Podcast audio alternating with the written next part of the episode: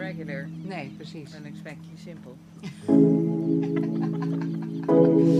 Ik, ik heb best wel een podcast gedaan, maar dit is de eerste podcast met drank. Zeg maar. Oh ja, gezellig is Je luistert naar de podcast van 10 Days Lifestyle.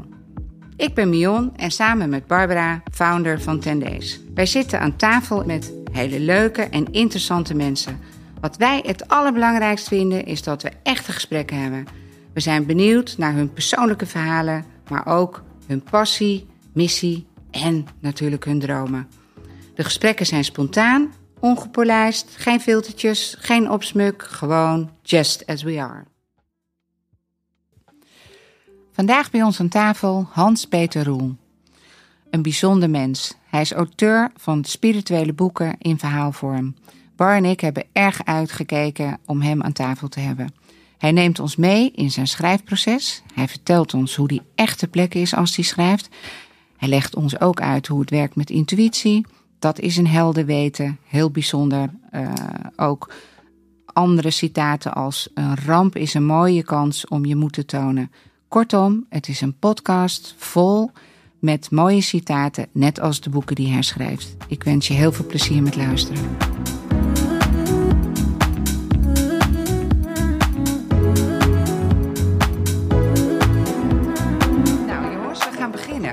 Zitten in een podcast. Ja. Ehm, aanwezig is Barbara weer. Eindelijk ben ik er weer. Oh, Yay. ja, zo fijn. Dat is al een tijdje geleden, hè? Ja. En onze gastbar, Hans-Peter Roel. Ja. Welkom. Speciaal Ja, voor jou ben ik er weer. Hoe nou, leuk is dat? fantastisch. Ja. Ja. Leuk. En eh, wij vinden het wel... eh, ik vond het echt eh superleuk dat je ja had gezegd om bij ons in de podcast te komen. Want echt fan van jou. Als schrijver. Heel goed. En eh, de aanleiding was natuurlijk het, eh, het boek De Vijfde Dimensie. ja. Inmiddels heb ik ook het boek Kier gelezen. Jij ook, hè Bar? Ja. En, En- de vierde dimensie heb ik ook gelezen. Ja. Wat, ik, wat het makkelijke aan het boek is, is dat het, vertaal, dat het in een soort romanvorm is geschreven. Ja. Terwijl Ja. normaal heb je dit soort boeken over spiritualiteit. Dan is, moet je de hele tijd, dan lees je iets en dan denk je, wat heb ik nou gelezen? En daarom leest het zo lekker. Ja. En toen dacht ik, waarom zouden we er geen romcom van maken? Het verveelt me, gewoon een heel mooi verhaal. Oh, ik zou heel, heel graag een film van mijn, eh, van mijn boek, eh, weet je. Ze, Ja. de, er is ooit iemand in Ho- Hollywood bezig geweest met de vierde dimensie. Hmm. Maar toen kwam corona en toen was het klaar met, eh, met, met, met de filmindustrie. Ah, ja. Dus. Maar Ja. wat, ja, wat ik over, over de vijfde dimensie wil Ja, zeggen... ik dat denk dat jij zelf nog even, eh, Hans-Peter, even vertelt. Wat, wat gaat, waar gaat de vijfde dimensie precies over? Want eh, dit is je- hoe wij Ja, het hebben ervaren. Maar ja. jij, ja. Kijk, je hebt de derde dimensie. Nou, dat is, dat is de wereld waar we allemaal in leven. Ja. Dan heb je een soort vierde dimensie. En dat is zeg maar eh, dat je ervaring hebt waar tijd en plaats niet geldt.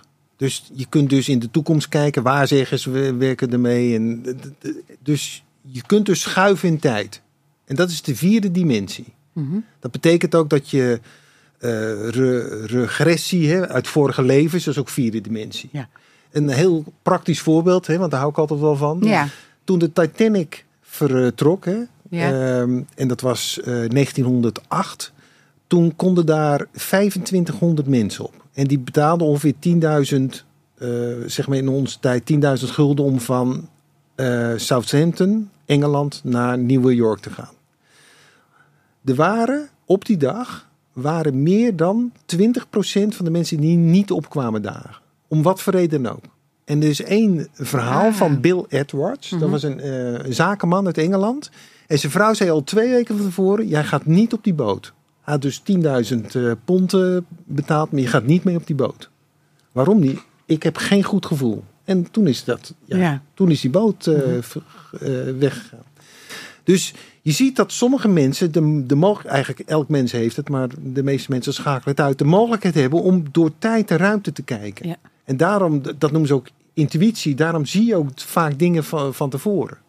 En dat was de vierde dimensie. En, eh, en de vijfde dimensie gaat één stap verder. Ehm, en eh, ja, eh, voor heel veel mensen is het nog net even één stap te ver. Maar de vijfde dimensie, de kern van de vijfde dimensie is, is dat wij een eh, fysieke wereld hebben waar mensen zitten, waar, eh, waar we altijd in leven, maar dat er ook een, veel grotere spirituele wereld boven hangt. En dat is de vijfde dimensie. Ja. Dat is dus de wereld waar je spirituele helpers zitten, waar je entiteiten zitten, waar je, Waar je mee praat, zeg waar je mee Zo- praat, waar je, waar, je, waar je input van krijgt. Ja. Dat is de vijfde dimensie. Maar heel veel mensen snappen dat nog niet. Of, of die zijn nog niet zo ver. Die, weet je, en dat is op zich prima. Mhm. Ik kan het heel goed zien ook aan het boek De Vierde Dimensie. Hè. Ik schreef dat boek in 2003 in Parijs, Sacré-Cœur. Ik heb daar gezeten, Mhm. twee weken lang in de Sacré-Cœur met blauwe schrift op me. En ik schreef zo, boem, de hele vierde dimensie. Toen gaf ik het boek uit. Geen succes. Weet Ja, je, als dat mensen ja. het niet. En, eh, eh, nou, niet.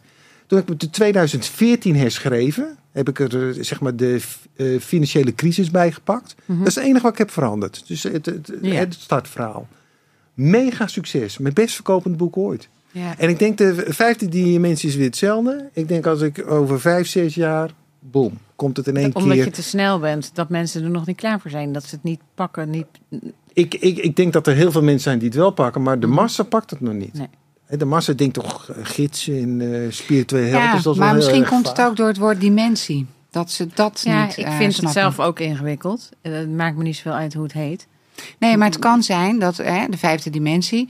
eh, dat, dat, kijk, ik denk dat het boek Key, de kracht van binnenuit, dat Mhm. dat meer tot de verbeelding spreekt waar het over gaat, Ja, dan de vijfde dimensie. ja. Omdat ja, de de vijfde, vijfde dimensie wekt volgens mij ook weerstand op. Omdat het toch een bepaald... bepaald ja, dan moet je al een klein beetje eh, Zeker. geloven in, in, in eh, een andere dimensie. En, Ja. aan, en sowieso geloven in dimensies. Hè? Ja. Kijk, Nou, kijk, kijk, waar het om gaat is... De mensen die denken dat ze spirituele helpers hebben... en we hebben allemaal spirituele helpers... die daar be- bewust van zijn... die pakken dat boek op. Ja. Want die Ja. snappen het. Ja. Er zijn toch heel veel mensen die denken... ja, ik ben hier in mijn eentje en ik ben ik en jij ben jij. Maar die snappen helemaal niet dat er ver- verbindingen zijn. Dat ze een onderdeel zijn van een veel groter ge- geheel. En dat is zeg maar wat de, ja, de vijfde die, dimensie is. Dat is gewoon... Hoe maak je die connectie met die spirituele helpers? En als je dat goed begrijpt, dan gaat je wereld er anders uit. ja. Dat is waar het om gaat. Jij werkt continu met de vijfde dimensie. Kan niet anders. Ja. Er zijn mensen die jou, of entiteiten die je helpen. Ja, ik weet, Weet nog je- in het begin dat ik tegen Mion zei... ik weet ook niet waar ik al die ideeën vandaan... Het lijkt alsof het zo ineens in mijn hoofd zit. Ja. Hè, dat zeg ik best wel vaak. En Nou, dan ben nog- ik ook dat zeg verrast. je nog steeds, hè? Ja, omdat ik dan zo verrast ben dat ik een half jaar later... precies dezelfde gedachten heb tot op de details. En dan denk ik, ja, dat is, komt gewoon in mijn hoofd. ja. En dan- Eerst dacht ik altijd, dat is mijn tante die dat allemaal doet. En nu weet ik weet niet Nee. of dat, wie dat is, maar... eh, Maar je ja, oma, het is, zei je toch ook? Ja, maar het is wel heel duidelijk dat het, dat het gewoon binnenkomt. Ja. Ja. Ik, Daar hoef je echt niet over na ik te had een kennis, een, eh, een, eh, vrouw, en die reed naast de bus. En die bus die sloeg af. En die, en die had die vrouw niet gezien. Op een gegeven moment voelde ze letterlijk dat de stuur werd overgenomen. En zo heeft ze een ongeluk voorkomen. Ja. Dat is de vijfde dimensie. En dat hebben we allemaal. Weet je, Ja. iedereen die heeft dat. Dat ze op een gegeven moment dat je denkt, hè, nou, nou ben ik echt geholpen, want anders Ja. was ik uh, Ja, verongelukt. ja, ja, ja, ja. Als de Ja. vijfde dimensie niet zou bestaan, zouden er heel veel meer ongelukken. We hebben gewoon gidsen. En heel veel mensen. Kijk, vroeger gingen we naar de kerk om te eh, bidden. Dat is niet dat er een God was, maar wel omdat je spirits hebt die je helpen. Tegenwoordig bidden mensen niet meer, want ze- het is denken, nou, ik moet het allemaal zelf weten. Maar er zijn gewoon spirits die je helpen en die wachten tot jij vraagt. Als je niet vraagt, krijg je ook niet. Zo simpel is het. Ja. Dus, dus ja. Maar dat, dat, is, dat is waar sommige mensen, en wij hebben wel mensen om ons heen, hè, die ons daar ook in eigenlijk bewust hebben gemaakt. Hè, Ja.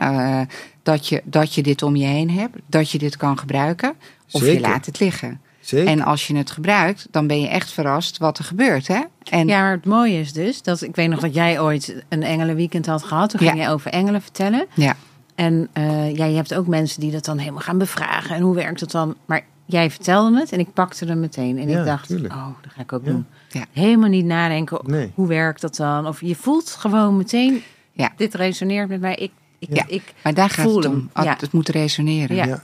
Soms heb je een gesprek met iemand en dan voel je het resoneert niet of het resoneert wel. Ja. En als het resoneert, dan ben je vertrokken, want dan is er geen Ja. grens meer. Hè? Dat is, eh, Ja. Maar terug naar die vijfde dimensie. eh, eh, de- dus het, het gaat over alles om je heen eigenlijk. Ja, het gaat over vertrouwen, dat je daarop kan Zeker. vertrouwen. Zeker. En, ehm, maar, en wat, wat is voor jou het verschil tussen bijvoorbeeld eh, het boek Key, Kracht van Binnenuit en de vijfde dimensie? Nou, dat is wel een groot verschil. Kijk, Key kreeg ik toen ik, eh, toen ik 30 was. Want zo ben ik op Key gekomen. Want ik, ik ben dyslect, dus ik ben helemaal gaan schrijven. En als een dyslect er- ergens een hekel aan heeft, is het natuurlijk aan schrijven. Maar eh, ik raakte burn-out. Eh, weet je, werkte op de beurs, veel te hard, veel te lang. eh, alleen maar stress in mijn hoofd, weet je wel. Heb je echt altijd met slaappillen geslapen? Ja, Ja. ja. en, Ja, dat wou ik weten, want dat heb ik zelf ook. en, en op een gegeven moment kwam ik in dat klooster en dan zag ik hoe ze heel anders met energie, levensenergie. Ik had nog nooit van levensenergie gehoord. Maar die kracht die je in je hebt, die is waanzinnig. Ik leer mensen binnen drie minuten dat ze niet meer zijn om te duwen. Alsof je tegen een muur staat te duwen. Ja. Ik leer, leer mensen in twee minuten dat ze niet meer zijn op te tillen. Ik leer mensen dat ze heel snel uit hun hoofd in hun kracht kunnen komen. En dat, dat duurt vijf minuten. En als je dat eenmaal begrijpt, ja, dan gaat je hoofd leeg en dan sta je veel meer ook open voor zo'n vijfde dimensie. En dat is waarom mensen dat boek lezen, het verhaal lezen en bij mij op die keyworkshop komen. Omdat Maar zit jij wel, nog wel eens in je hoofd? ja, tuurlijk, Ja, elk, mens zit in mijn hoofd. Maar, maar ik weet wel op een hele snelle manier hoe, hoe ik weer in mijn lichaam. Ik leer mensen, eh, ja, dan, de key-principes, heel simpel, hoe ze, hoe ze het kunnen doen. Ik leer het kinderen. Eh, weet je wel, het gaat... Ik heb het ook met mijn kinderen Ja. gedaan. Ja? Met, Ja. Die, eh, met dit en Ja. dat eh, optillen. Ja. Ja. maar ook als je, als je kinderen alleen al leert, hè, want, eh, dat doen we niet, op school is alleen maar stress. Als je kinderen leert als ze een proefwerk maken of ze moeten testen of weet ik veel wat, eerst aan je billen denken. Dus je gaat zitten, je gaat eerst je billen denken en je doet verder helemaal niks. Alleen billen denken. En dan, vanuit die stand, ga je proefwerk maken. Maken ze het tien keer beter. Oh ja? Omdat je het dan vanuit, omdat je dan je kracht hier hebt en je hoofd leeg. En als je hoofd leeg is, kun je snelle verbindingen maken en kun je dus veel beter presteren. Het is natuurlijk logisch als je hoofd helemaal vol zit met Ja. stress, dat je niet meer goed kan nadenken. Als je hoofd leeg is en je buik vol, dat zeg ik altijd maar, dan, dan zit je in je kracht. Dan, en als je dan ook nog de gave hebt, hè, dat is de vijfde dimensie, dat je je hoofd open zit. Dus dat, ze, Ja. dat ze ook nog even wat dingen naar, de- naar de binnen kunnen werpen. Ja, dan, dan, dan, dan zit je op de kracht die elk mens heeft. En daarom vind ik dat Ki ook, ja, dat zou eigenlijk op elke school moeten, Ja, moeten, ja. moeten worden onderwezen. Ja, dat moet je kinderen gewoon leren. Het is- zijn makkelijke principes, elk kind kan het doen. En het haalt, het haalt zoveel stress weg. We leven, in, we leven echt in een super ge- gestreste maatschappij. Zeker in. Nederland. Nederland is top of de beeld daarin. Ja, het is niet voor niks dat, dat, dat Ki er is. Weet je al? Je kunt er op een makkelijke manier vanaf. Op een hele snelle manier. Vijf minuten leer ik het. Heel, wat, is, wat is er makkelijker dan even aan je billen denken? Om je hoofd leeg eigenlijk te zou je maken? alle scholen af moeten gaan. Ja.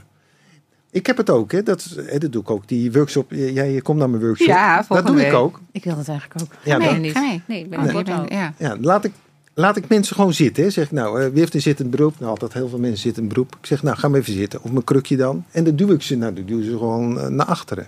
Dan leer ik ze rechtop zitten, aan de billen denken. En dan gaan ze met krukken en al. Ze zijn ze niet meer om te duwen.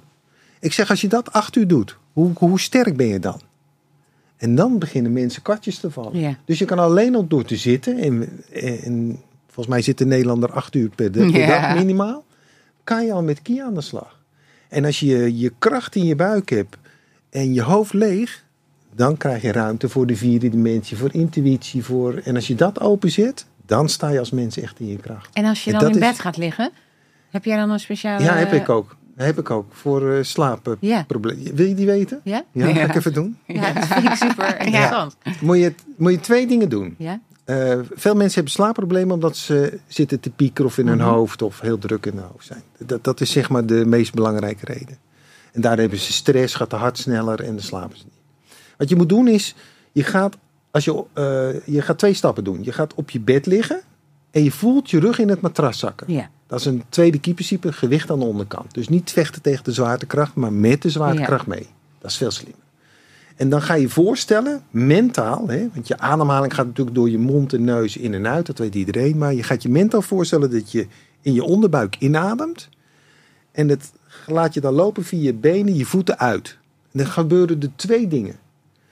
Als je dat doet, kan je niet meer denken, want je bent je ademhaling aan volgen. Dus je hoofd wordt koel. En omdat je Ah, via je voeten uitademt, word je voeten warm. En dan krijg je het grote geheim van diep slapen. Warme voeten, koel hoofd. Slaap je zo diep als een, als een monnik. Al die, al die monniken, Ja. al die monniken staan om half vijf op. Ja. En die gaan zo rond een uur of elf naar bed.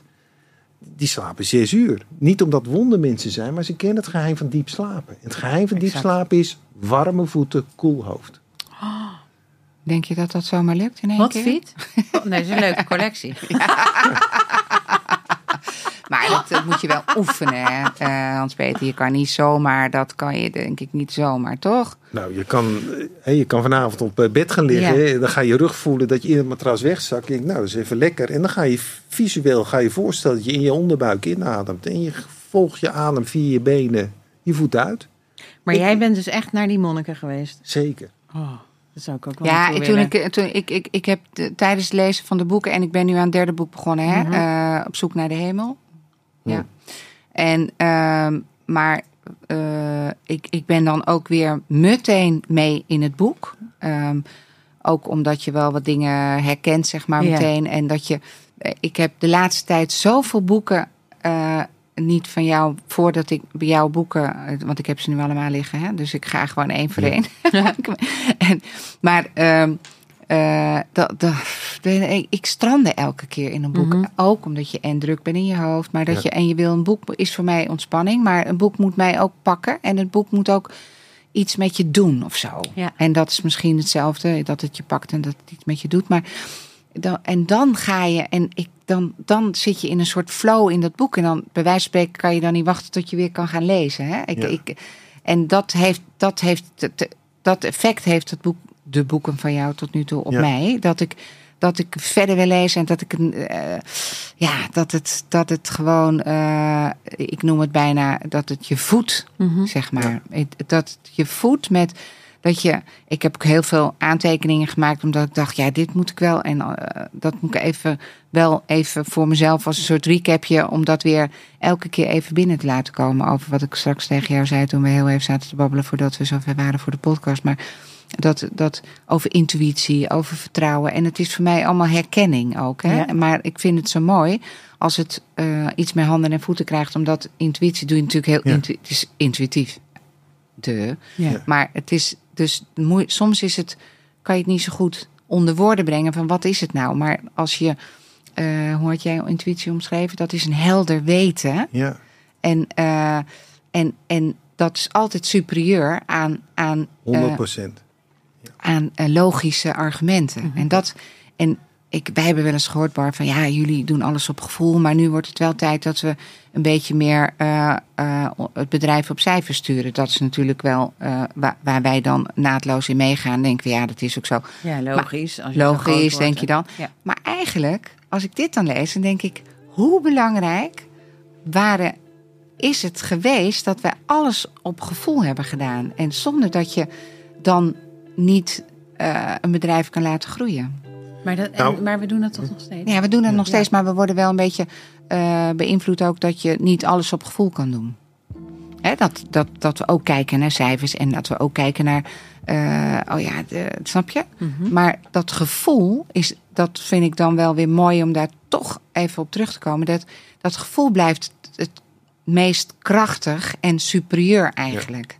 En, eh, en jij bent heel intuïtief, ik ben heel intuïtief.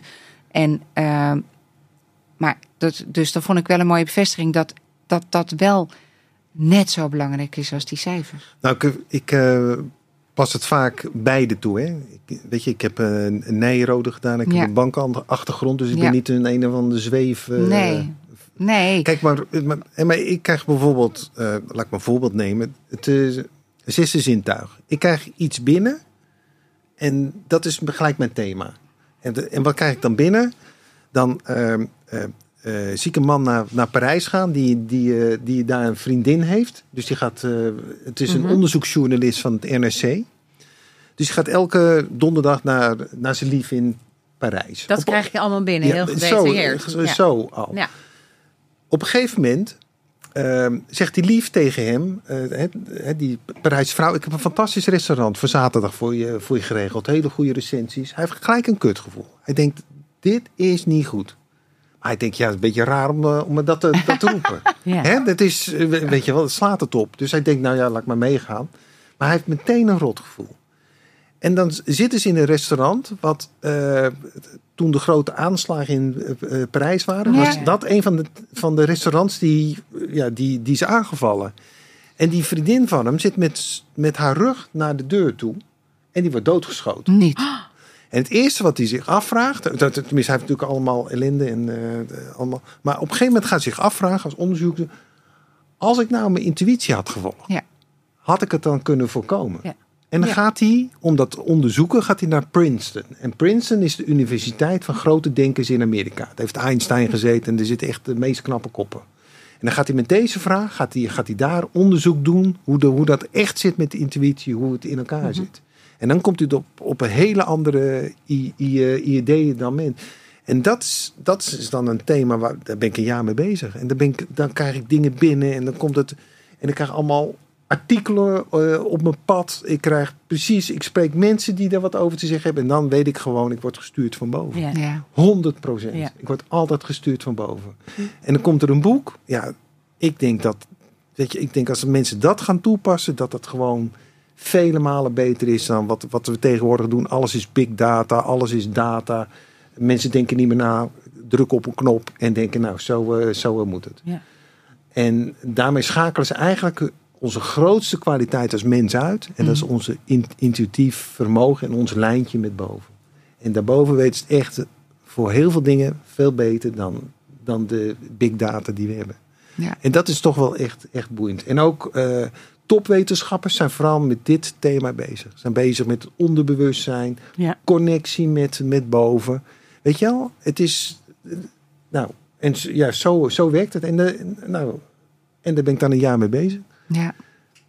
Maar dit is de. ah, dit- maar hoe. eh, kijk, wat ik dan ook interessant vind aan jou is dat je dus he- eigenlijk vanuit zo'n hele eigenlijk zakelijke corporate eh, business ge- hier gekomen bent. Hè? Ja. Dus dat moet, is dat een lange weg geweest of was die eigenlijk was het een shortcut? Want d- Deze lange weg. Want, kijk, kijk, je moet voorstellen, Nederland is een, een klein land voor lezen. Dus het is als schrijver moeilijk om geld te verdienen. Ik, eh, ik eh, wilde de- destijds ook die boeken allemaal schrijven. maar Tegenwoordig ook niet. Wil ik niet onder de brug gaan liggen. Omdat ik boeken schrijf. Dat vind ik nou ook weer... eh, te- maar, maar, ik- maar ik kan me nog voorstellen... ik, ik schreef als eerste het boek Key. Hè? Maar Key schreef ik niet als boek. Key had ik wat aantekeningen voor mezelf gemaakt. Een uitgever, Willem-Jan van der Wedering van Andromeda, belde mij op. Hij zei, Hans-Peter, ik heb wat gehoord, kunnen we niet een boek maken? Zo is het eerste keyboek gekomen. Echt? Heette, heette de, de Reis van je leven. Ik, ik wilde helemaal geen boek. Ehm, maar omdat ik ook bij de bank werk en zo'n boek had geschreven, was er veel eh, publiciteit. En voor ik het weet, eh, was het boek uitverkocht en nog een keer. Dus ik dacht, nou, misschien is het wel wat voor mij. Dus de- zo ben ik de vierde dimensie gaan schrijven en eigenlijk al, al die boeken. Eigenlijk allemaal vanuit een soort intuïtie. ja. Vanuit een weten van, dit moet ik doen. Dit is mijn bijdrage aan eh, deze wereld. Zie je het ook als jouw missie? Ja, zie ik als mijn missie. En, ja, maar dat eh, heb ik eigenlijk ook met Tendees. ja. Zie ik ook als een missie. Ja. Het is gewoon een, een, een, zo'n, eigenlijk zo'n spiritueel merk, omdat het zo zacht is en goed voor je is. En, je, en het, je wordt er blij van. En je krijgt, het zit gewoon lekker in je vel als je Tendees draagt. Dat is allemaal heel... eh, dat is ook... Ja, weet je, alles heb je jezelf aangeleerd. Het is niet zo dat je hier een opleiding voor hebt gehad, maar je Nee. weet gewoon... je weet het. Ja, en ik vond schetsblokken terug van toen ik 8, 19 was. Ik tekende altijd. Het is gewoon tendees wat daarin staat, Ja. die, die tekeningen. Dus dat, daar krijg ik altijd kippenvel van. Ja. Dat is zo bizar. Dat is, wat ik toen tekende waren, was gewoon wat wij nu brengen. Ja. Ja. Dat- en dat wist ik niet. In mijn droom was echt niet om modeontwerpster te worden. Maar ja, het pad, hoe wij elkaar hebben leren kennen... en al die lijntjes die wij hadden... Wordt allemaal geregeld. Het is gewoon, daarom, ja. dat kan ik tegen jou sowieso zeggen. Dit merk is zo meant to be. Dat weet je gewoon. Ja. Dat weten wij ook. Maar dat- heel veel mensen kunnen daar natuurlijk niet helemaal niks mee. Nee. Vinden dat hele vage en Ja, zweverig. die en- denken je ook. Vindt, Joh. eh, ja. ja, Ja, dat, Maar dat is vind soms wel eens pijnlijk, hè? Als Ja, dat ja. een beetje gebagatelliseerd wordt. Want onze, onze, ons hele gevoel, ziel en zaligheid zit daarin. Maar het is ook daardoor een, een heel andere beleving, het merk. En dat, Ja, daar lopen ik we wel eens geloof gewoon tegen. heel erg dat, dat mensen, dat wordt steeds groter, dat bewustzijn. Dat, is zo, dat hele collectieve bewustzijn is enorm aan het groeien. Ja. Dus mij maakt het niet zoveel uit. Als ik, ik, ik ga het ook niet verkondigen als dit is de waarheid. Dit is zoals ik het voel. En zo voel jij het en dat is het belangrijkste. Maar dat die, dat die missie zo, eh, zeg maar zo prominent, als je dat voelt, Ja. dat die drive zo sterk is. Ja. Want ik, ik, ik, weet nog met mijn boeken, dus, weet je, ik had toen kleine kinderen. eh, kon niet van mijn boeken leven, dus ik moest een baan. Dus ik had gewoon een baan bij de, bij, eh, bij de eh, bank. En ik wilde mijn kinderen zien. En ik wilde boeken schrijven. Ik denk, hoe ga ik dat nou doen? Ja. Dus ik ben elke ochtend om half vijf gaan opstaan. Ik heb het gelezen in Ja. een van de boeken. Ja, en dan ging ik gewoon bam naar de bank. En dan zat ik op de 14e etage, keek ik over heel Amsterdam uit. Klapte mijn laptop open, zat in het boek. En dan drie uur lang schrijven. En dan ging ik om negen uur ging ik, eh, met mijn tasje negen etages naar beneden. Goedemorgen. En dan eh, s s'avonds, eh weet je, de, de- destijds werkte je nog tot zes, zeven uur. Ging naar huis en dan had ik alle tijd voor mijn kinderen. En de volgende dag stond ik weer om half vijf op. Zo. Ik dacht, ja, je moet gewoon, als je echt iets wil, breng je ook een offer. Dan maakt het Ja. niet uit. Dan doe je het gewoon. Ja. Dan gaat je, gaat je tijd erin zitten, dan gaan de uren erin zitten. Dat maakt helemaal niet uit. Je denkt, dit is wat ik hier te doen heb. Ja. Ja. Maar wat mooi is, is omdat het schrijven zo van binnenuit komt, was het waarschijnlijk ook geen probleem voor jou om zo vroeg je bed uit te gaan, om daar zo vroeg Nul. te zijn. Ja. Nou, wat, wat ik wel moet zeggen, dat ik heel af en toe, smiddags wel eens even Een eh, dutje zo deed. deed. tien, tien, tien minuten, want dat is, het is wel slopend. eh, ja, maar, ik hoorde laatst maar ik deed het wel. Ja, de Iris Hond zeggen, die Ja. wij ook in de podcast hadden. Ze zei, ik slaap soms heel slecht, omdat ik dan eigenlijk alweer op wil staan, omdat ik dan weer piano kan spelen. Ah, ja. En eh, dat je bijna niet kan, heb jij ook, Heb ik dat ook, je ja. niet Ik- kan wachten tot het Ja, volgende dag Dat is. heb ik eigenlijk altijd. Ik ben helemaal niet zo fan van. eh, ik vind lekker het idee. Ook ga lekker straks naar bed. Maar meer om dan een beetje te chillen, Ja. douchen en dan zo'n Ja. ritueeltje. En dan kan ik me er echt op verheugen dat je gaat liggen en dan met de engelen gaat praten. Vind ik gewoon heel prettig. Daar Ja. word ik heel rustig Ja. van. Maar het hele slapen aan zich. Ik word gewoon vaak wakker s'nachts en denk nou, het is nog de ochtend. Ik heb, kan, dat had ik als kind al. Ik vind het gewoon, ik word wakker en ik sta te springen om aan de dag te beginnen. Ja. Want daar heb ik gewoon altijd zin in. Ja. Op zich, zeker als ik boeken schrijf, meestal word ik dan om drie uur wakker en dan komt alles binnen. Ja, Ja, vind ik ook Weet je wel, dan komen de, hebben we dan een thema waar je, waar je mee bezig bent. En niet het, het hele boek, eh, maar dan komen the- eh, je bent met een thema bezig binnen je boek van hoe ga ik dat doen? Ja. Komt allemaal binnen. Komt er maar het is toch, toch een feit dat je wel goed wil slapen. Hè? Want jij zei straks van hoe doe ik dat dan met goed slapen. Dus jij hebt een heel ritueel bar. En toch, eh, Ik ben gewoon onrustig. ja. Dus ik, ik word heel veel wakker. Ik slaap heel licht. Dus het hoeft Ja. maar een klein geluidje te zijn. Nou ja, ik woon in de Ja. stad, dus dan heb je genoeg geluiden. Eh, als ik bij eh Appe ben, die woont op een boerderij en daar is het gewoon heel donker, heel stil, dan slaap ik wel beter. Ja, dat kan me voorstellen. ja, heeft het ook met geluid te maken? Zeker. Ja, ik denk het wel. En, en donkerte. Ja, En ja, en dan, ik heb natuurlijk ook mijn kinderen om me heen en dan ben je toch meer, je slaapt gewoon licht. Maar dat heb ik altijd gehad. Maar denk je dan dat die tactiek wel helpt? zeker. want, nou, het, dat want, want zeker, dat dat haalt moet. je uit je hoofd Ja. in je lijf. En als je moet slapen, dan moet je gewoon ontspannen lijf hebben. En dat, dat doet die techniek. Ja. Heel simpel. Ja. En weet je, dan, dan eh, slaap je ook een paar uur, maar dan slaap je wel heel diep. Diep. Ja, En dan, ik slaap eh, niet en, zo eh, diep. En dan eh, rust je veel beter uit. Ja, nou ja, ik ben ervan overtuigd dat eh, als je goed slaapt, dan ga je anders de dag in. Hè? Oh, als je inderdaad zo'n nacht hebt dat je de hele Ja. nacht ligt te draaien, dan eh, ga je ook je bed uit en dan denk je, oh nou prima, we gaan weer. Maar ik heb ooit wel een echte slaapobsessie gehad ook hoor. Dat ik, maar dat had echt met stress te maken. Ja. En dan, dan dat, ik, dat ik elke avond dacht, nou ik hoop echt dat ik nu eens een keer ga slapen. Ja. En ik sliep gewoon niet. Ja, maar key haalt je echt uit je stress. Want je stress zit in je hoofd. Ja. Zit nergens anders. En via je hoofd krijg je natuurlijk al die stresshormonen. Gaat wel je lijf in. Maar het begint in je hoofd.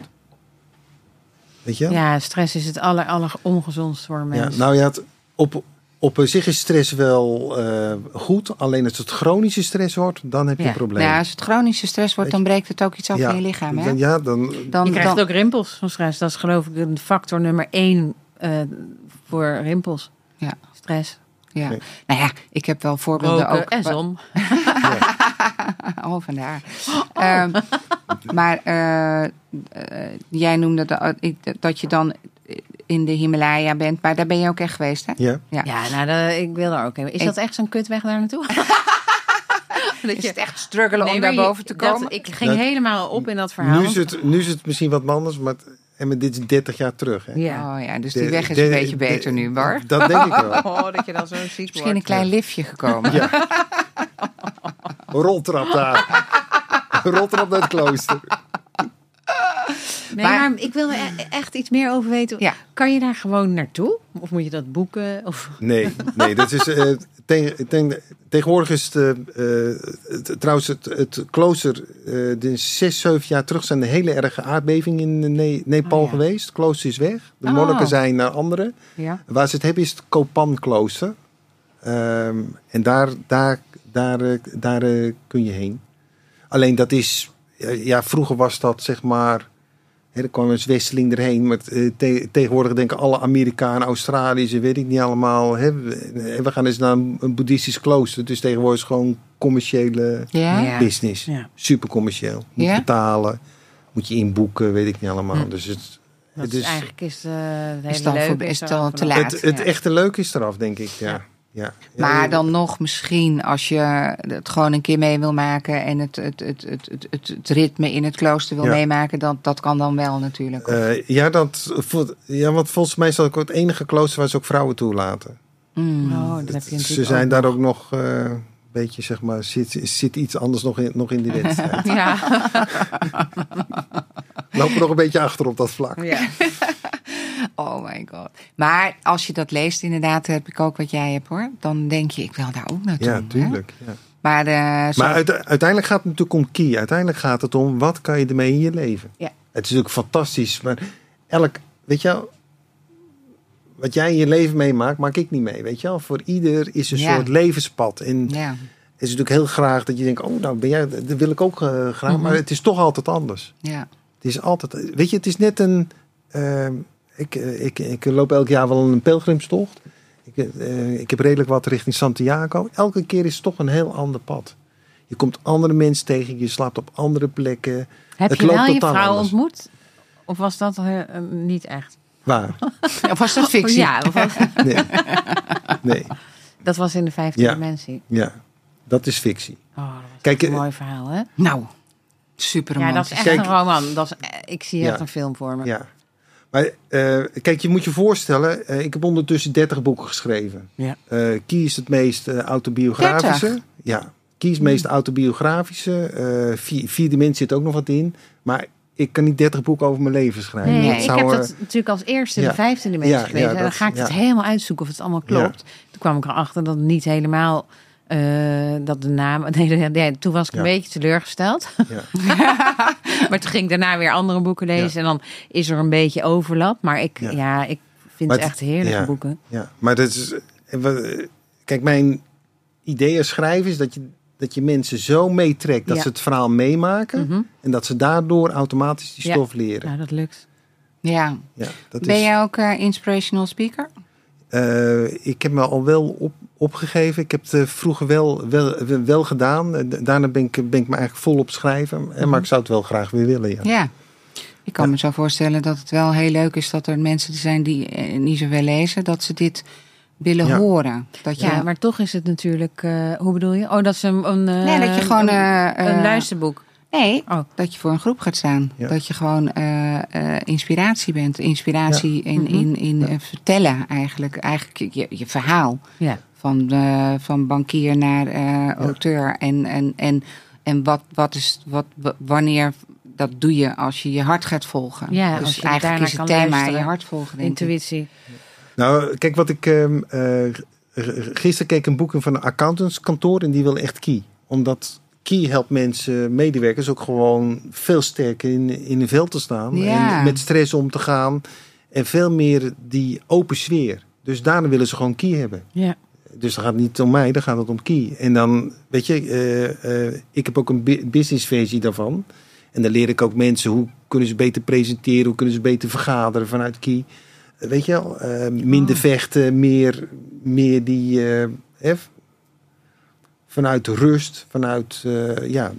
Ja. Dus, dus dat leer Ja. ik mensen dan. Eh, jij vertelde mij straks, eh, ik heb op een gegeven moment alles verkocht. En dat komt ergens in de boek Ja, ook voor. Hè? Maar wat was ja. voor jou daar de, de, de drijfveer achter om echt alles van je af te schudden?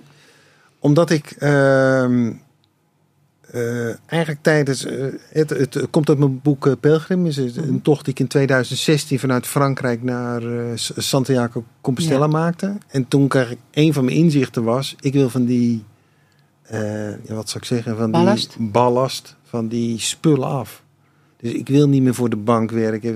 Dus ik heb alles, alles ver- verkocht. Ben in een huurappartementje van 30 vierkante meter gaan wonen. Helemaal happy. En eh, weet je, ja, eh, eigenlijk hebben we, heb ik weinig meer. Ik, ik heb een oud Seatje waar ik mee rondtuf. Eh tuurlijk, tuurlijk heb ik wat kleren en wat, wat, wat, wat spullen, maar zo, zo min, Min mogelijk. mogelijk. En ik, en ik denk dat dat de trend gaat, gaat worden voor de Ja. komende 10, 20 jaar. Ja. Dat is Meer- wel slecht nieuws voor ons. Ja. Voor, voor, voor eh, kleding blijft altijd ruimte volgens mij. 100 procent. Kijk, wij- zijn natuurlijk geen glamourmerk. Hè? Nee. Dus wij passen wel in dat beeld. Ik denk, ik denk dat jullie fantastisch passen. Ja, Jullie, ja, ju- jullie, behalve dat er wel een prijskaartje aan hangt soms. Hè? Ja, maar goed. Nee, ik- maar dat is prima. Dat, is- dat kun je Ja. verantwoorden. Ja. Dus het is niet zo dat wij dat allemaal in onze zak steken. Dat is Nee. gewoon omdat wij... eh, Sterker nog, de- wij, de- de- de- soms worden wij gecorrigeerd van ja, je, je moet eigenlijk wat meer verdienen aan Ja. die kleding, omdat je Ja. gewoon die marge moet hebben. Maar Ja, wat- eh, ja, wij, ja, wij, wij willen het liefst ja. eigenlijk van binnenuit, doe het dan Ja. maar wat goedkoper, maar dat we het wel kunnen brengen. Maar het is zeg maar, eh, weet je, of je een duur huis hebt of je zit in een, eh, in een huurappartement, Mhm. maakt niet uit. Nee. En maar je, en maar je kunt, kunt moeilijk zeggen, nou we gaan naakt, naakt de straat op. Dus kleren heb je gewoon nodig. En me- mensen gaan echt wel kleren, veel meer kleren kopen die echt bij hen passen. Ja. In plaats van al die merken. En, Ja. eh, dus ik denk dat jullie een gouden, gouden toekomst met je kleren hebben. Ja, ik denk ook echt Veel dat... eh, authentieke, ja. veel, daar houden mensen van. Ja. En jullie hebben hele authentieke kleding, niet alles eh, honderd van hetzelfde. Dus nou, dat, dat gaat zeker lopen. Ja, dat voelen we toch zelf ook. Ja, maar dat is ook waarom het woord future brands eh, Ja. altijd bij me opkomt. Dat, Ik denk het ook. ik ben een keer bij een mevrouw geweest die een soort van met God kon praten. Oh ja. Ja, en die, die had het daarover. Jullie zijn echt het merk van de toekomst. Ja, dat denk ik ook. En toen dacht dat, die voelde ik meteen. Toen dacht ik, Ja. ja, dat is echt wel mooi omschreven. Dat snap ik ook. Want dat hele eh, formele, dat is, dat is al heel erg aan het verdwijnen. Helemaal na corona. Ja. Maar mensen gaan echt voor kwaliteit. Ja. En helemaal als je dit draagt, Zeker. dan het is zo lekker zacht. Ja, mensen, mensen, men- mensen willen gewoon kleding wat lekker bij Ja, past. en wat, wat authentiek is. En je kan Wat een beetje duurzaam helemaal- is. ja. Dat, Maar dat is voor jou een logica, maar dat is voor, en hetzelfde waar jij tegenaan loopt, lopen wij soms ook tegenaan. Dat er toch nog een hele grote groep is die daar iets anders over denkt, omdat ze zich veel meer conformeren aan de markt, aan de, Ja. aan de gelegenheid, aan de dit, aan de dat. En als je bar, eh, die riep eh, zoveel jaar geleden al van joh, je moet gewoon op die jogger de catwalk op, eh, de rode loper op. En eh, eh, maar dus dat, dat wat wij eigenlijk al heel lang, eh, ja, eh, moet ik het zeggen? Ja, dat is ook een innerlijk weten. Ja, Dat is wat, wat jij ook Ja. zegt. Je krijgt dingen door. En dat vind ik soms heel frustrerend. Want dan ben ik zo overtuigd. En ondertussen weet ik ook dat, dat ik gewoon weet. Het gaat gewoon zo. Het gaat 100 procent. weet 100%, maar het is wel moeilijk om dat hier aan iedereen eh ik snap het wel. te gaan in hun hoofd natuurlijk. Ja. Ja, nee, maar ja, dus het heeft niet goed verkocht. Nee, maar wacht nou nog even. Want dat gaat echt heel belangrijk worden. ja. Ja. Nou, daar moet, je, daar moet jij soms best strijd leveren. Heel Eh, erg strijd leveren, ja. Nee, maar ik denk het ook. eh, Weet je, ju- ju- ju- jullie hebben een kledinglijn, wat, wat, wat ik zo'n beetje zie, waar, waar, waar de markt ingroeit. Dus die markt wordt telkens een klein beetje groter. Maar het, hè, maar het zijn nu eh, meer de voorlopers en de, ja, Ja, ja. de- mensen, mensen die het eerst oppakken. En daarna, daarna loopt het door. Want weet je, al die standaardmerken met, weet je, op, op- mensen, mensen worden er op een gegeven moment een keer zat. Nee, maar eh, Kan niet anders. ik, eh, wij hebben best heel veel fans, gelukkig. En, eh, maar dat is nog steeds wel een bepaalde groep. eh, eh, en, en die is niet in leeftijd uit te drukken, maar dat heeft meer met. eh, ja, met Zijn, het zijn, gewoon met zijn. Ja, Misschien zijn het ook wel veel bewuste mensen. Nou ja, dat zou ik, Zeker. ben ik er dan helemaal heel trots op. ja. Dus eh, dat zijn. Ja. En de mensen die zich aangetrokken voelen, die, die identificeren zich ook met ons. En- Ja, je hebt natuurlijk heel veel mensen die vooral met de buitenkant bezig zijn. Die willen bij een bepaalde groep horen. En die moeten het hipste van en het een hipste. bepaald en- merk. En, ja, maar dat zijn mensen die denk ik wel heel erg in hun hoofd zitten. Jij denkt Ja. niet dat je bij iedereen in een hokje wil doen. En dat is ook helemaal goed. Prima. Ja. Maar er is wel iets heel groots aan de hand. Heb jij ook die boeken gelezen van ehm Christina van, van Draaien? Ik eh, ken, ken ze wel, maar ik heb ze Oh niet ja, want eh, dat niet had, daar had ik hetzelfde als bij jou. De- die heb ik ook allemaal Ja. in één keer uitgelezen. Ja. Omdat je dan dat zo herkent. Welke was dat ook weer? Ja, dat Duitse meisje die ook zo'n heel Oh, ja, ja, ja. groot eh, bewustzijn heeft. Ja. Nou, kijk, wat je, wat je eigenlijk ziet, ik weet niet, ik denk dat ik tijdgeest heb geschreven. Wat je eigenlijk ziet is dat er, eh, als je naar het groot eh, astrologisch eh, cyclus kijkt, dan eh, verandert elke 25.000 jaar gaan die 12 eh, zeg maar, signs gaan, gaan door. Dus we Mhm. komen uit het vissentijdperk. Vissentijdperk begon in, in de tijd van Jezus, dus 2500 jaar Mhm. geleden. Het vissentijdperk gaat, staat voor zelfontplooiing, voor eh, zelfrealisatie. Nou, ik denk dat we dat heel goed hebben gedaan, 2500 jaar. Want als jij in de tijd van Jezus had geleefd en je had nu gezien dat wij eh, met mo mobiels een filmpje maken, doorsturen naar Australië, eh, DNA, het had, dat had je niet gedacht. Het punt is dat het, vissentijdperk is ten einde. En dat is maar goed ook, want anders blazen de hele wereld op. Ja. Eh, wat je nu ziet is dat we eigenlijk sinds... De Maaiers hebben het ook geschreven, maar eigenlijk eh, heel veel van die eh, oude theorieën komt zo rond eh 2000, twee- 2012 begint Mhm. een nieuw tijdperk. Dat is het Waterman-tijdperk. Het Waterman-tijdperk staat voor verbinding. Dus 100% zeker dat zeg maar, eh, wat je nu al ziet, is dat heel veel van die instituten omvallen. Dat mensen politiek niet meer geloven, banken niet meer geloven, eh, dat, Mhm. dat soort dingen. Eh, ehm, en, je- en je ziet dat er van onderuit netwerken gaan ontstaan. En dat gaat steeds sterker vormen. En die netwerken die gaan kijken hoe gaan we veel duurzamer met de wereld om. Hoe gaan we elkaar meer helpen in plaats van elkaar afmaken. Eh, en ik, ik denk dat die trend aan de hand is. En mensen denken dan allemaal, ja, dat moet binnen een jaar gebeuren. Maar we hebben 2500 jaar om dat te realiseren. Mhm. Maar je ziet al een hele duidelijke tendens dat mensen het niet meer accepteren zoals het vroeger ging. Ja. ja. Weet je, het wordt als jij eh, als in, in, in, in instituut je macht misbruikt als politiek, accepteren mensen niet meer. Weet je, dat is, dat, dat is de eerste stap. En natuurlijk leven we nu nog een beetje in een soort chaos. Hè, want die oude machthebbers die proberen het vast te pakken, Vast te houden. ah, vast te houden. Maar Ja, er gaat heel veel veranderen. dat gaat echt, het wordt een waanzinnig andere wereld. Ja. We gaan veel meer in gemeenschappen leven. We gaan Mhm. veel meer delen. Weet je, als jij een auto hebt en, en hij staat vier dagen leeg en, eh, of stil en ik heb een auto, nou, weet je wel, dan gaan we Ja. delen. Ja. En nu moet iedereen een auto hebben. Ja, Mhm. dat, het- hè, dat wordt ons op, op, opgedrongen, maar dat is natuurlijk nergens voor nodig.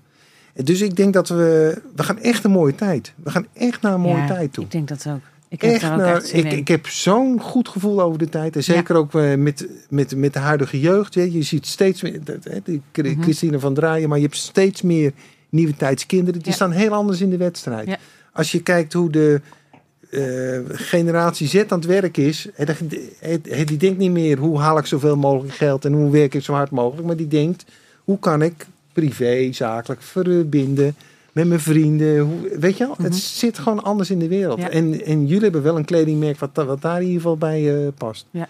Dus, dus ik, Maar ik, ik, ben eh, positief over de wereld. Ja, maar heel even, want jij zegt, de kind, maar jij loopt toch wel ook met je kinderen bar tegen dingen aan waar je juist, die juist nu heel moeilijk zijn met die opgroeiende kinderen, toch? Eh, met, met, met, met alles wat er gebeurt op, op, op scholen en, enzovoort. Ja, dat, heeft, dat is per kind anders. Het ene Ja. kind heeft, is heel gevoelig voor, voor die status en die wil overal bij horen en zijn de realiteit een beetje kwijt. En die ander die gelooft in God en die Ja. bidt. En de een denkt dat hij God is, de ander gelooft heel erg in God. En eh, ja, dat heeft natuurlijk met per kind is dat. Maar als je nu kijkt naar de wereld en eh, waar, als je bijvoorbeeld op een station bent, nou maakt niet uit waar je bent, iedereen zit zo. Ja, ik word daar heel droevig van. Ja. Vind ik echt vreselijk. Maar, dat, is, eh, maar we moeten eerst moeten we door een diep dal dat iedereen denkt, nou, Precies. dit Ja. gaan we echt Ja, niet meer doen. Nee. Weet je, en dan willen mensen veranderen. Kijk, ik- kijk ik, ik, ik zeg altijd maar, natuurlijk wil de mensen, iedereen wil energiezuinig, weet je, met, eh, eh, over. Maar wa- wanneer gingen mensen wat doen? Toen de energieprijs 300% eh, ging stijgen. Want dan voelen ze de pijn. ja. En we moeten eerst de pijn voelen, want natuurlijk, weet je, als je, eh, al- al- als je in een trein zit en iedereen zit met zijn iPhone te, te kletsen, dat is natuurlijk niks menselijks meer.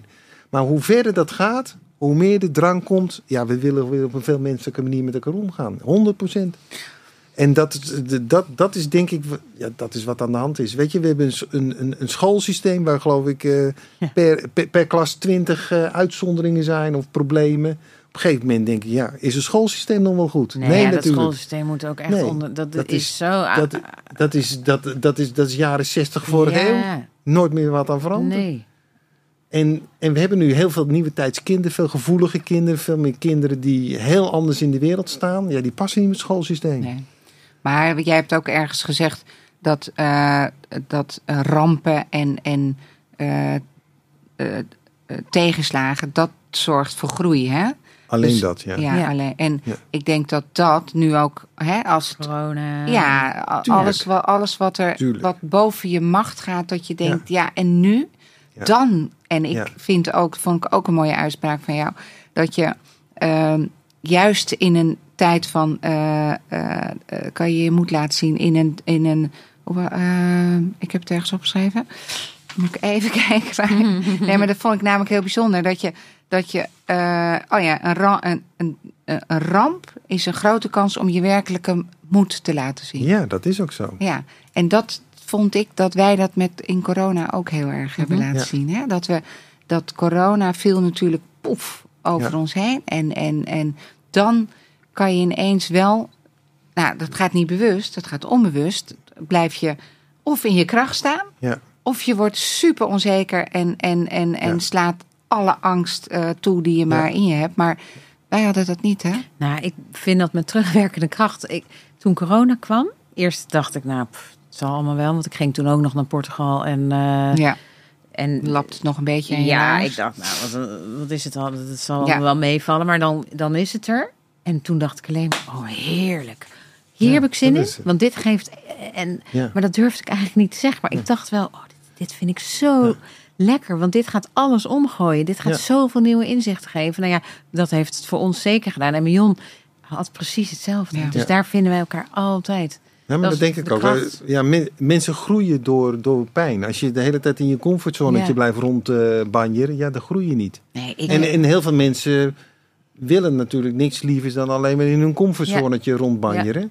Maar uiteindelijk, als je zeg maar eruit gaat, die pijn voelt, dan, het is net wat jij zegt, dan gaat er een soort andere knop om. En dan kan je pas groeien. Ja. Dus ik denk ook dat het, eh, heel, heel veel mensen zijn er negatief over, maar ik denk dat het een hele goede, ja, dat het ook past in onze, Ja. onze tijd. En dat gaat ons, ons systeem ook omgooien. En je ziet ook eigenlijk al dat het, dat, ja, dat het grote effecten heeft op hoe de jeugd nu met elkaar omgaat. Weet je al? En, het, en we zijn er zeker nu niet, hè? want we gaan echt nog wel. eh, En het heeft natuurlijk ook heel veel eh, persoonlijk leed opgeleverd. Hè? Want ik, ik weet wel, mensen met opgroeiende kinderen, volgens mij eh, eh, hier op de zaak waren ook wat mensen die echt wel eh, te doen hadden met hun kinderen die niet meer naar een feestje konden en niet meer dit konden en dat konden. En het Ja, is toch vind in- ik, dat, dat is ook zo. Maar ergens denk ik, je moet je er wel... Eigenlijk zou je eraan over moeten geven. Ja. En moet je het positieve Ja, maar dat- die leeftijd heb je dan nog niet. Hè? Dan voel je het echt als een Nee, beperking dat in je snap ik, vrijheid. dat kinderen dat hebben. Ja. Maar als de ouders daar dan helemaal... Oh ja, het is echt, die hebben het wel zwaar hoor. Ik, ik hoor het en ik, ik snap het vanuit je hoofd. Maar eigenlijk denk ik, nee, dit- die, toch is het goed dat dit En- gebeurt. en, en ik ben het met je eens.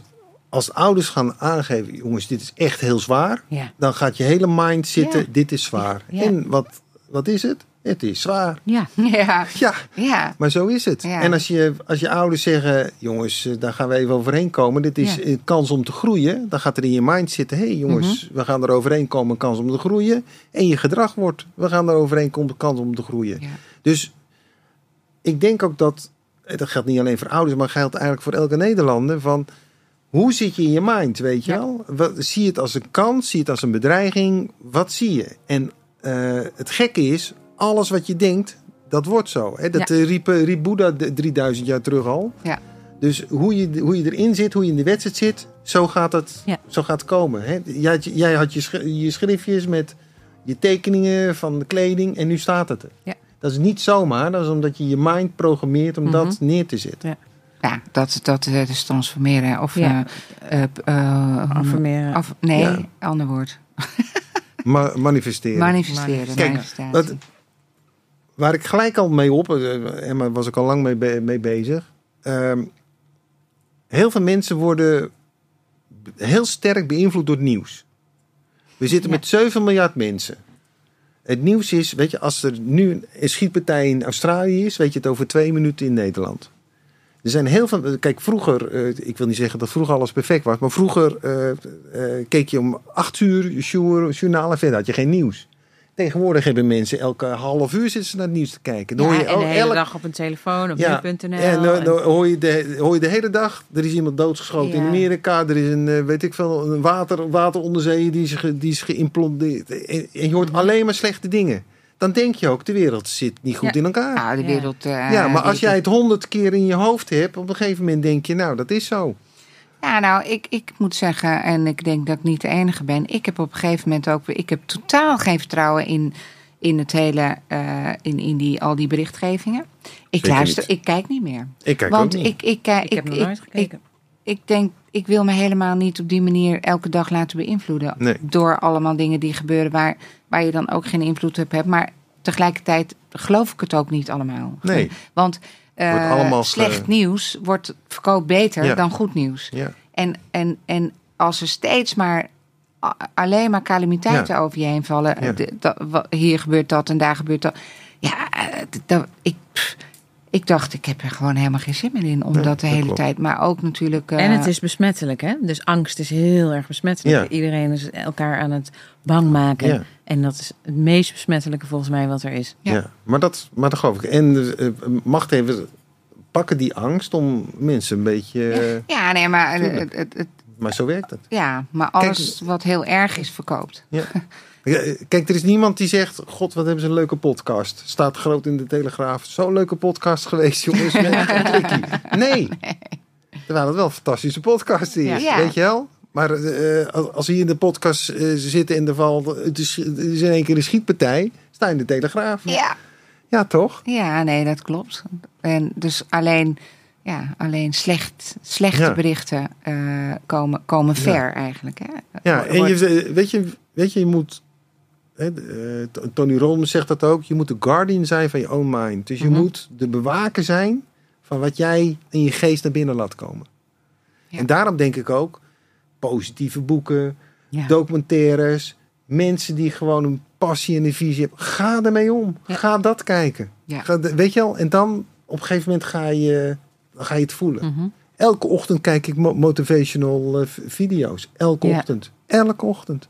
Ik kijk ze altijd. Wat leuk. Want eh, zo start ik mijn dag. En dan Ja, ik en wil dan graag, ik- heb je een ritueel? Ja, Ja. ja. ik heb zeker een ritueel. Wat is en je ritueel? Je, je wekker gaat en dan? als mijn wekker gaat, ik start altijd met motivational video's. Een aantal heb ik die ik altijd kijk. Zo Maar altijd dezelfde steeds. Het, eh, eh, ik heb een aantal hele goede.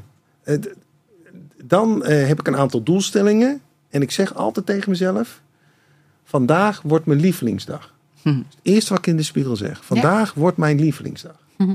En dan, dan heb ik mijn eh, eh, doelstellingen, zowel zakelijk, pri- privé.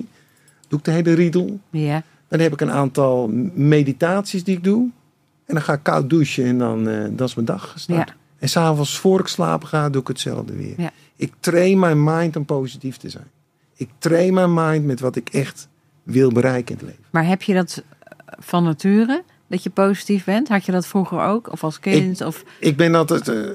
Eh, en mijn, eh, wat, wat ik wel eens een keer hoor is dat ik een, dat ik een man in Lala Land ben. Ja, in Lala Land. Ja, en Lala Land is dus een heel positief land. Ja, ja, ja. Maar ik heb wel een beetje het glas is half vol eh, Ja. type. En ik train mijn geest om positief te blijven. Ja. Continu, continu, continu. Ja, want jij denkt als je een weekje overslaat dat het verslapt. Nee, dat denk ik niet, maar het is, eh, het is mijn startritueel. Ja. Ik wil gewoon, weet je wel, eh, ik, pas kwam ik iemand op de, op de keytraining tegen. Dat was het eerste die het ook deed. Ik denk dat 1%, 1 van Nederland dat doet en de rest doet al veel maar minder. ben je een man van vaste gewoonte? Mm, eigenlijk niet, maar dat wel. Nee, Ik- maar ik herken dat wel hoor. Ik hou wel heel erg van vaste gewoontes. Omdat dat ook voor mij een soort, ja, een beetje discipline is dat Ja. ook. En, en maar ook daar word ik blij van als ik inderdaad Ja. Eh, bepaalde affirmaties die ik Ja. meestal doe als ik met hondjes wandel, weet je. Dan loop ik een beetje eh, Ja. in, ja, gewoon, dan hoor ik die vogeltjes sluiten en dan loop ik tussen die bomen door. En dan, eh, ik heb hondjes die niet echt hard lopen. Die, dus ik moet daar echt geduld voor opbrengen. Die moeten snuffelen. Ik heb snuffelhonden. En ehm, dus het is, het is, dat is ook wel voor mij altijd een, ja.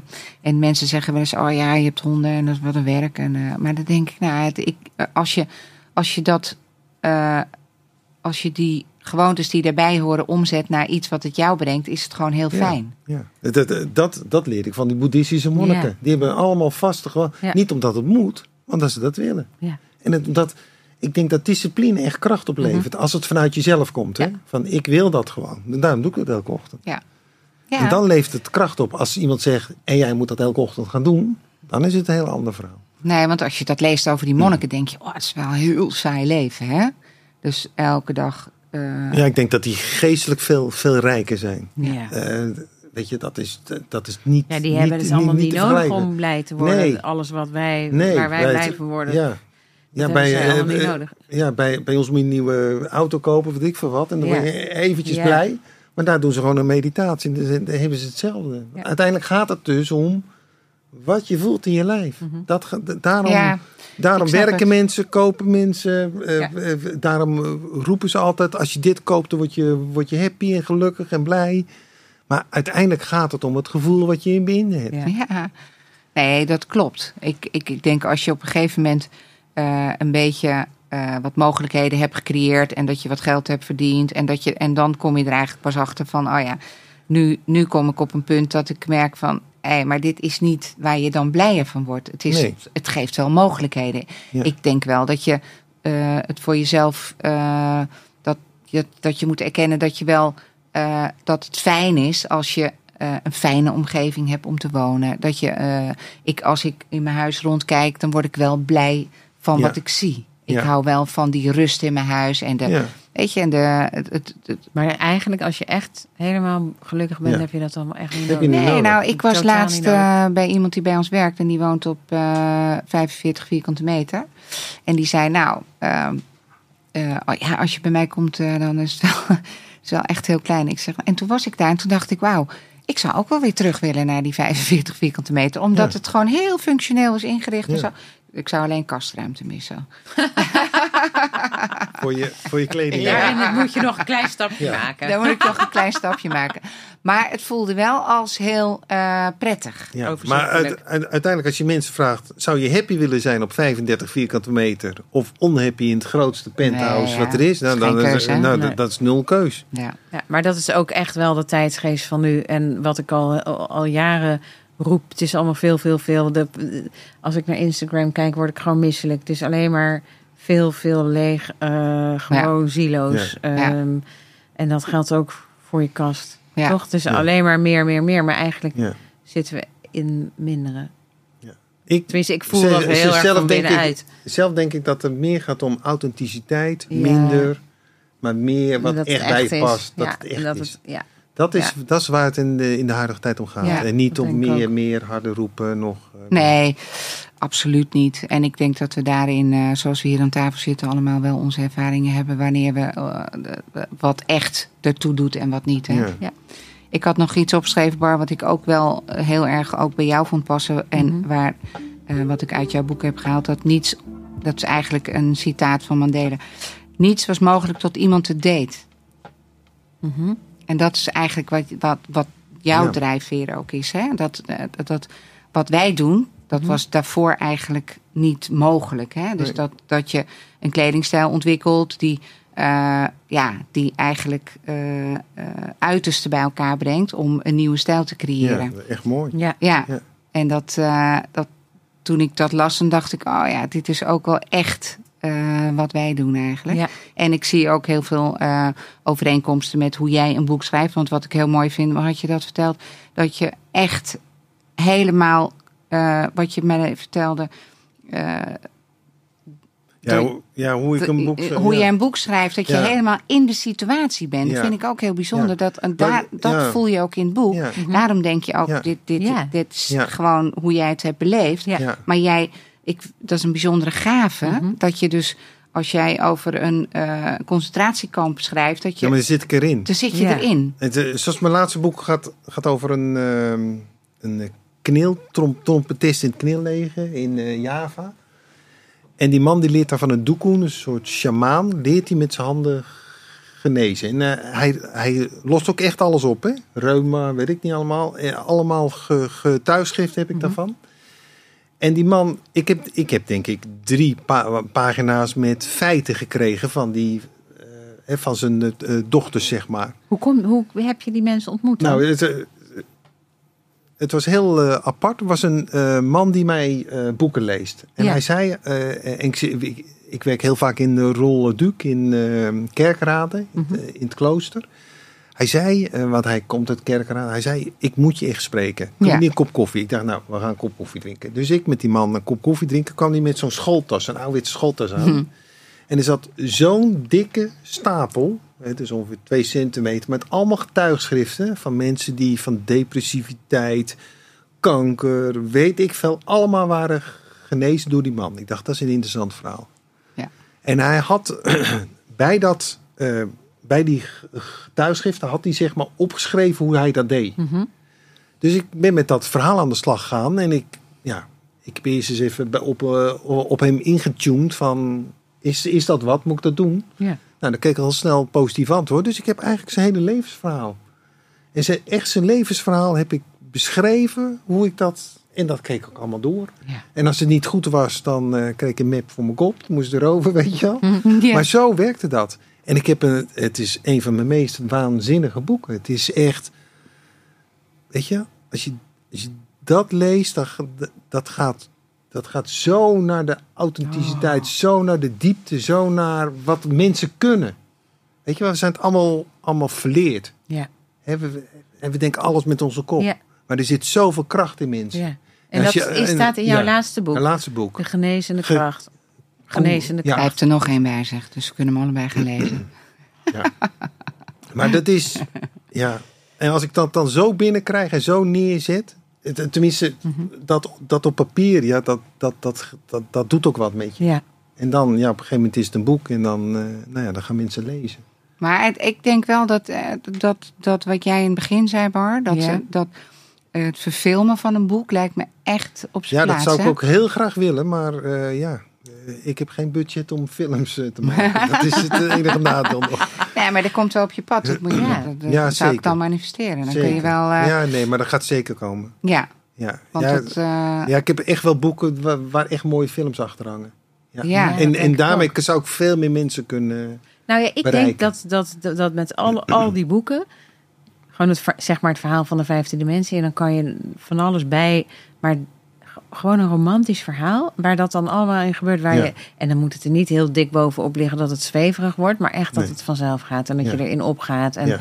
Ja, ik denk ook, ik ben er 100% van overtuigd. Dat dat echt... Mijn eh, vriend is filmmaker. Oh. Ja. Nou, nou, Dus doe eens een goed woordje voor me. dus eh, het is niet voor niets dat we hier Nee. zitten. Alles heeft een reden, jongens. alles heeft een reden. Ehm, Hans-Peter, heb jij nog echte dromen voor jouzelf in petto? Ja, ik heb zeker dromen. Nou, eh, een, eh, eh, film maken is zeker Ja, een droom van dat me. is- dat is natuurlijk, mooie boeken ook voor blijven mij. Ja. Ja. Ja. Ook, Dus- ook mooie, ja, gewoon mooie boeken maken die mensen raken. Die, eh, ja, dat, dat, dat, is, dat, dat is wel ja, een droom. Ja, mooie, mooie, mooie liefde om eh, samen mee. Oh ja. Ja, dat is natuurlijk ook mooi. Ja. Dus, eh, dat, Heb jij nu geen liefde? Nou, Ehm, wel liefde, maar Ja, geen zeker, liefje. ja. Oh, Maar geen liefje. Ja, nee, Ja. dat bedoel ik. Ja. Nee? Dus ik denk, ben zit helemaal in het verhaal van de vijfde dimensie. Dat Ja. vond ik zo'n mooi verhaal. Hey, ehm, wil jij nog iets vragen aan ons? Ehm, Of zijn wij aan het einde van deze Het is een mooie hele lange podcast? podcast, Ja, volgens ja, mij. ja, ja, Ja, het is, daarom. het is een lange We, podcast. kunnen, ja, we ja. hadden al een hele podcast erop zitten Ja. toen eh, Hans-Peter binnenkwam. Ja. En wij even bij zelf eigenlijk Ja, elkaar eh, ja. aan het eh, eh, Ja. leren kennen waren. Ehm, maar ehm, nee, ik vond het fantastisch. eh, en ik hoop echt dat we een beetje hebben kunnen overbrengen waar, Ja. waar die kracht ligt. Want die is, zit van binnen. Ja, Ja. maar dat is vooral heel veel mensen deze, dit soort boeken gaan lezen. Ja, Om het bewustzijn Ja. eh, Ja. Nou ja, collectief Ja. te openen. Of ik weet niet hoe je dat Ja. zegt, maar Ja. Nee, ik vond het bijzonder. Ik, eh, ik, Ik was, ook. ik was gisteren dacht ik, oh, ik ga deze man echt ontmoeten. En, Hm. eh, en toen kwam je binnen en toen was het eigenlijk alsof ik jou kende. Ja. Dus dat, eh, Apart, ja. Ja. dat is heel Ja. apart. Ja. Dank. Nou, Ja, graag. heel Mooi gesprek. Ja, ja dank, eh, dank in ieder geval voor de uitnodiging. Ja. Want ik, eh, weet je, ik eh, Ja. vind het altijd mooi om het, om, om het verhaal zelf te kunnen, kunnen Zeker. vertellen. Ja. Dus eh, dank voor de uitnodiging. Heel veel succes met jullie merk. Maar ik weet zeker dat dat, eh, dat, dat, dat heel groot gaat worden. Nou, wij gaan elkaar Hey. volgende Ja, week dus- zien, hè? Ja, oké. op, de, op de workshop natuurlijk. Ja, in de kerk. ja, wat gaaf. In de kerk. Leuk. Oké. Dankjewel. Dank je. Top, jongens. Een lange podcast. Ja, dit is echt was ever.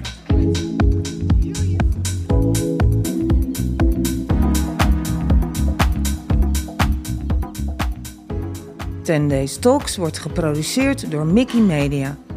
Bedankt voor het luisteren en tot de volgende aflevering.